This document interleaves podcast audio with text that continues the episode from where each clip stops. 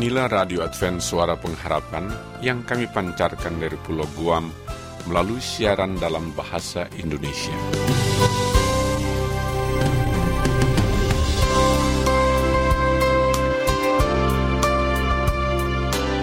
Salam sejahtera kami ucapkan kepada pendengar setia kami di mana pun Anda berada. Selamat berjumpa kembali dengan kami, Radio Advent Suara Pengharapan. Dengan senang hati kami akan menemani Anda dengan rangkaian acara yang telah kami persiapkan khusus bagi Anda sekeluarga. Harapan kami, semoga siaran ini dapat bermanfaat dan menjadi berkat bagi Anda semua.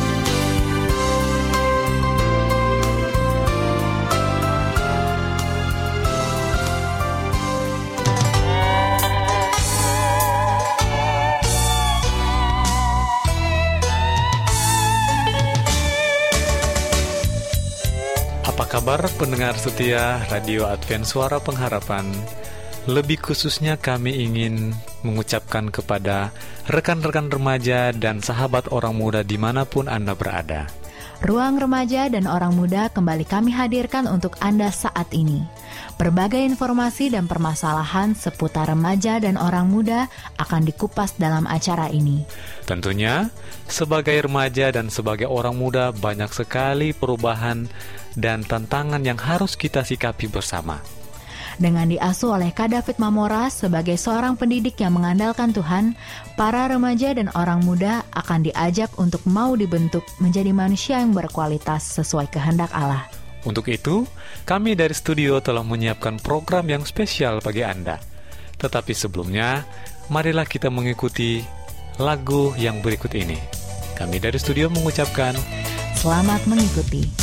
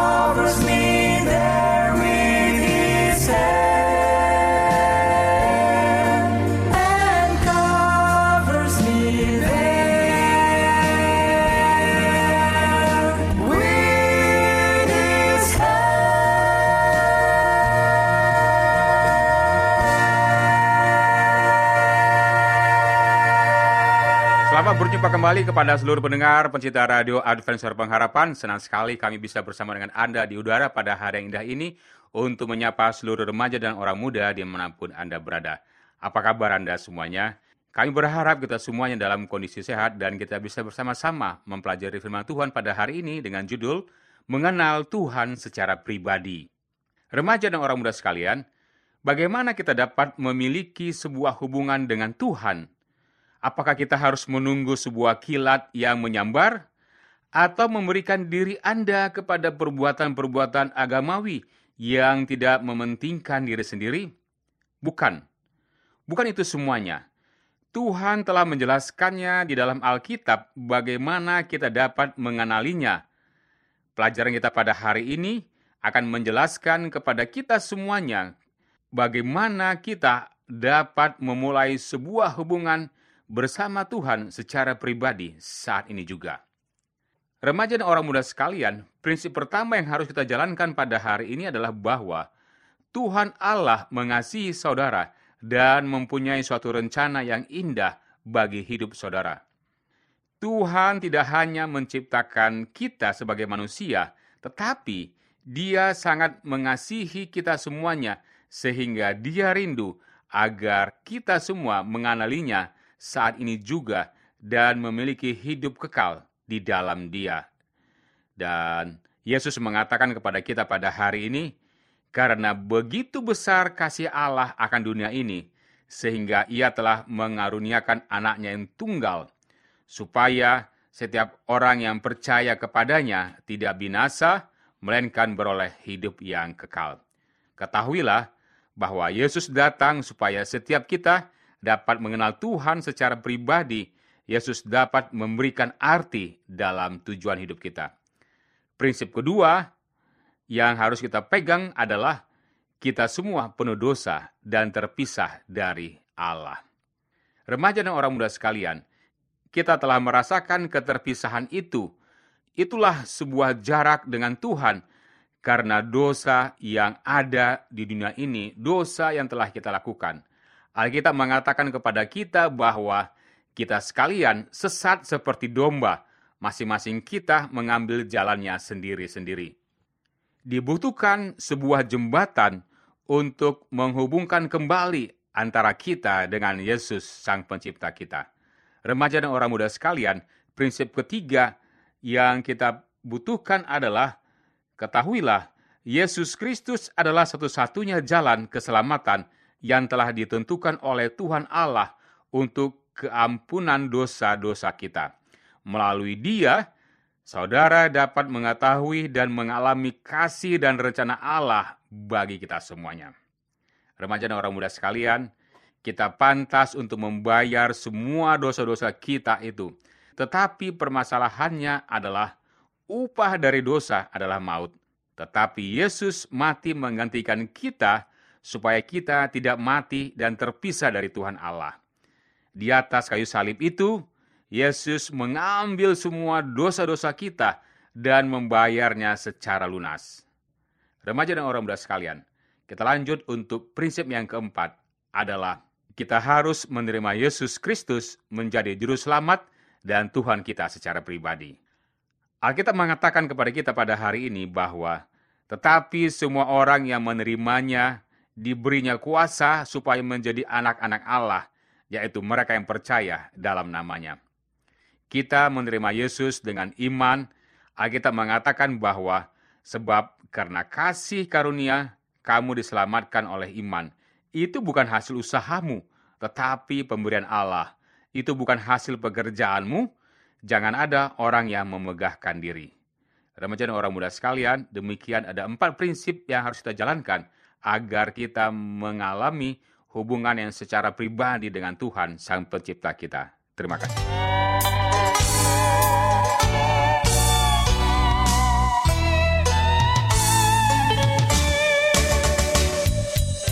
Terima kasih kepada rekan-rekan orang muda dan sahabat remaja di mana pun berada.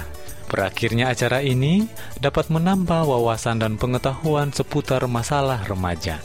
Kiranya bermanfaat untuk menolong generasi muda menjadi pribadi yang berkualitas sesuai kehendak Allah. Sampai jumpa pada kesempatan berikutnya. Kami dari studio mengucapkan semoga Tuhan memberkati kita semua.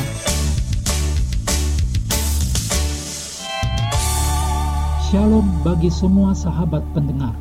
Kabar baik bahwa kisah dan kesaksian terkait siaran dan pelayanan AWR Indonesia kini dapat diikuti secara berkala, baik melalui siaran harian Radio Advent Suara Pengharapan setiap minggu kedua dan keempat, juga melalui YouTube dan Facebook AWR Indonesia.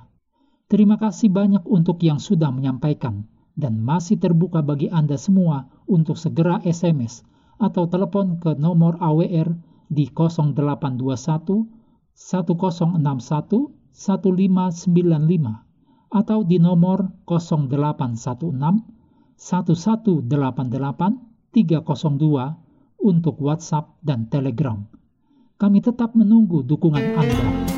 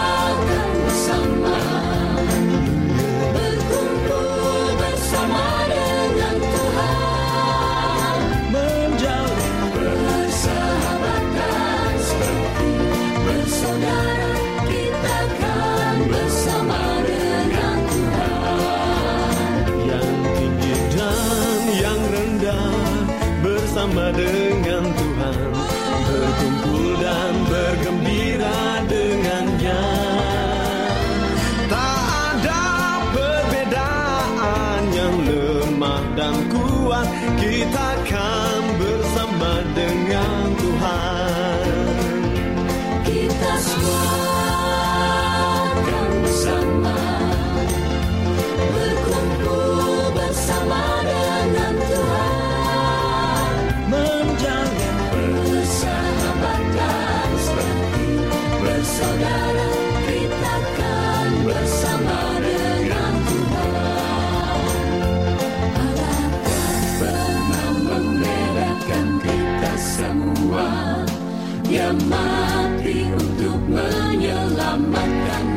Selanjutnya,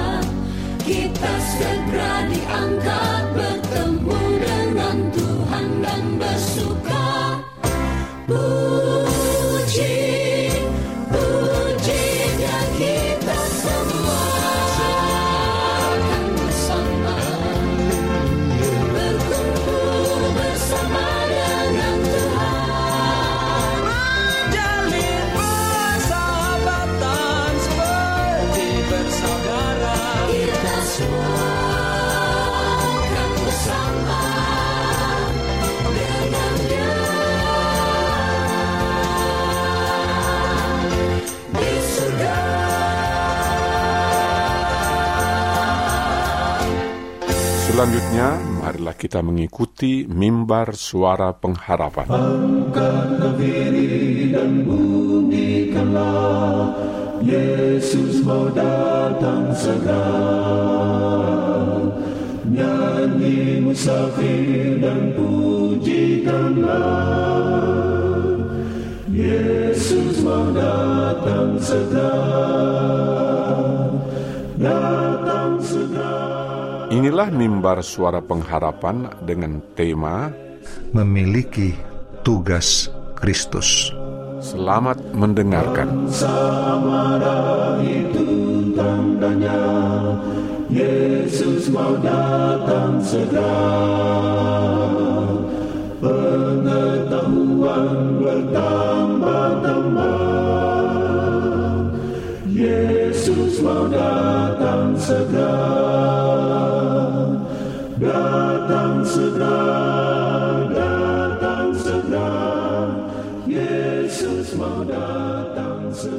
Salam suraku yang diberkati Tuhan, kita bersyukur saat ini di mana pun Anda berada dapat mendengarkan acara Mimbar Suara Pengharapan bersama saya Pendeta Togar Simanjuntak dengan judul pembahasan kita memiliki tugas Kristus. Saudara, setiap manusia di dunia ini pasti ada tugas yang diberikan oleh Tuhan.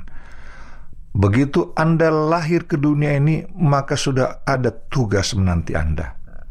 Mungkin Anda katakan tugas apa bagi seorang anak kecil? Ada, saudaraku. Anda, dia dilatih bagaimana untuk mengenalkan dirinya, dilatih bagaimana supaya dia uh, bisa melakukan kewajibannya, misal waktu jam-jam tertentu aja makan. Dilatih dia bagaimana mungkin uh, sudah bisa makan minum atau buah kecil buang besar banyak sampai terus dewasa. Nah, salah satu tugas yang paling penting yang kita terima daripada Tuhan adalah tugas menyampaikan pekabaran keselamatan kepada orang-orang ada di sekitar kita, di mana pun kita berada. Tugas atau pekerjaan Kristus yang sangat luar biasa dalam diri kita. Firman Tuhan katakan dalam Yohanes 14 ayat 12 ayat katakan, Aku berkata kepadamu sesungguhnya barang siapa percaya kepadaku, ia akan melakukan juga pekerjaan-pekerjaan yang aku lakukan, bahkan pekerjaan-pekerjaan lebih besar daripada itu. Nah katakan, barang siapa percaya, maka ia akan melakukan melakukan. Berarti Yesus sudah menyiapkan tugas, pekerjaan yang Yesus sudah pernah lakukan. Ya, Yesus pernah lakukan. Jadi Yesus sudah berikan contoh. Sudah ada contoh diberikan oleh Tuhan. Jadi kita tidak perlu ragu lagi bahwa itu tidak bisa kita lakukan. Nah, yang menjadi pertanyaan, saudaraku, adalah adakah kita siap menerima tugas yang diberikan oleh Yesus yang sudah pernah dilakukannya? Dan jika kita sudah bersedia, maka dikatakan akan ada tugas lebih besar lagi menanti kita. Nah, tugas besar ini itu yang menentukan supaya lebih kita lebih benar-benar punya power, punya kekuatan, punya pengaruh yang besar. Dikatakan saudaraku ada satu cerita mengenai seorang bernama Lim Deng Wen saat usia berumur 9 tahun dia sudah bisa menciptakan 20 program animasi dan game. Ya, walaupun dia masih seorang siswa SD, tetapi kepandaiannya melebihi anak-anak seusianya. Dalam membuat program ini hanya butuh waktu selama 30 menit sampai 1 jam. Lalu terlepas dari prestasi yang Lim miliki, Lim ternyata mewarisi bakat dari ayahnya. Ayah Lim adalah ketua dari divisi teknologi di salah satu perusahaan teknologi sejak Lim berusia 2 tahun. Jadi 7 tahun lebih sudah bekerja. Telah diperkenalkan kepada bagaimana kepada Lim sejak usia 2, 2 tahun program komputer, ya dunia komputer, dunia teknologi, dan dikatakan usaha yang tidak sia-sia. Lim menjadi salah seorang programmer yang cukup hebat, terkenal, dan dia menciptakan itu tidak lama, saudaraku, hanya sebentar. Dikatakan Lim melakukan tugas yang ayahnya berikan karena dia tahu ayahnya sudah pernah melakukan itu, sudah berikan contoh sehingga dia tidak ragu untuk melakukannya. Saudaraku, sama seperti Lim yang memiliki potensi dari sang ayah yang merasakan kemampuannya daripada ayah. Dikatakan lim kita juga mewarisi apa yang Bapa kita miliki. Ya, dalam hidup kita semua dan saya tergantung bagaimana situasi kepemilikan Allah dalam diri kita. Apakah kepemilikan Allah itu? Itu bagaimana kita bersama-sama dengan Tuhan, ya, hidup bersama Dia melakukan apa yang tugas Tuhan berikan bagi kita. Nah, dikatakan saudaraku, kita mewarisi apa yang Bapa miliki apa yang Bapak sudah lakukan dalam kehidupan kita atau istilahnya itu ada suatu jaringan DNA dalam hidup kita. Artinya, kalau dia begitu limpah dengan talenta, kreativitas, inovasi, mujizat dan seterusnya, maka Allah pun akan memberinya kita juga hal tersebut, ya akan melimpah dengan talenta, kreativitas, inovasi, mujizat dan seterusnya. Namun yang menghalangi anak-anaknya memperoleh itu lagi-lagi karena ketidakintimannya dengan Bapa, kurang penyerahan dan tidak mau menurut apa yang Allah Bapa katakan. Perhatikan bagaimana kehidupan Yudas dan sebelas rasul lainnya. Yang lain punya hubungan sangat de dekat dan erat dengan Yesus, sementara Yudas hanya menjalin relasi di permukaan saja. Itu bisa dilihat ketika ia menyerahkan Yesus dengan tanda sebuah ciuman. Dia berkata, Salam Pak Guru. Nah, Yesus tahu itu bahwa itu adalah tanda tanda kepalsuan. Ya. Lalu katakan ia cuma menganggap itu sebagai sebagai guru biasa, pendidik biasa, pemberi yang terkecil bagi tidak lebih dari itu. Tidak heran Yudas yang ia serap pun ternyata hal yang tidak kecil ataupun yang bagaimana kemudian Yudas mengambil semua hal-hal negatif dan dia hilang dari hadapan Tuhan. Kebaikan yang berikan oleh hilang dari hadapannya. Tetapi bagaimana kemudian dia menggantikan hal kebaikan kemurahan Yesus itu lalu kemudian bagaimana Injil itu pun tidak bisa dia pegang. Kenapa? Coba saudara lihat. Bagaimana Tuhan menunjukkan satu jalan ya membuka pintu. Tetapi Yudas dia tidak melakukan tugas yang Yesus berikan baginya. Tetapi dia mengukur dari pola kehidupan duniawi. Ya, diukur pada saat wanita yang merasa dosa diampuni lalu mencurahkan satu botol minyak narawastu. Lalu dengan segera Yudas menghitung, mengkalkulasi dari segi nilai uang Wah, pemborosan luar biasa dikatakan. Nah, itu terjadi saudaraku. Bagaimana kita sering tuduh boros, tak menentu. Nah, tetapi saudaraku, Tuhan memberikan kita petunjuk apa yang kita harus lakukan. Sehingga kita tidak hilang atau tidak loss daripada situasi yang datang. Tapi kita bisa mendapat kemenangan. Kita mendapatkan tugas yang kesebutkan itu menjadi yang bisa menunjukkan bahwa kita mempunyai hubungan erat dengan Tuhan dan kita pancarkan kepada orang lain maka orang akan menerimanya dan dibenarkan siap untuk datang kepada Tuhan. Itulah tugas kesalaku melakukan apa yang Tuhan berikan bagi kita untuk menjadi juru kabarnya. Ya ingat, menjadi juru kabarnya bukan cuma sekedar ya bukan cuma sekedar untuk menjadi anggota biasa gereja, tapi kita mempunyai sebagai juru kabar Tuhan. Itulah tugas.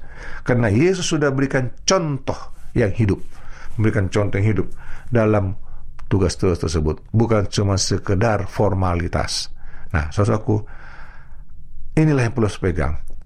Yesus memberikan tugas kepada kita, tapi sudah berikan contoh. Dia sudah lakukan itu, sehingga kita tidak perlu takut itu gagal. Dan saat ini saudaraku jika Anda mau menerima jabat tugas yang diberikan oleh Yesus pada hidup Anda dan rindu untuk didoakan bersama juga keluarga yang lainnya. Hubungi kami tim mimbar suara pengharapan dengan penuh sukacita kami akan selalu berdoa untuk Anda. Tuhan berkaitan saudaraku doa dan harapan kami. Shalom. Amin.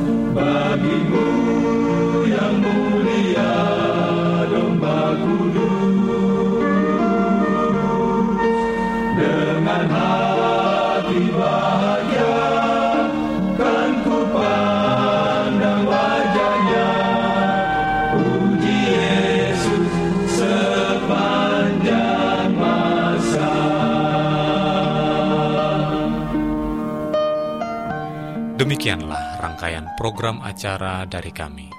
Apabila Anda mempunyai pertanyaan atau ingin mendapatkan seri pelajaran Alkitab Suara Nubuatan, Anda boleh menghubungi kami dengan mengirimkan surat ke Radio Advent Suara Pengharapan, PO Box 8090, Jakarta 12810, Indonesia.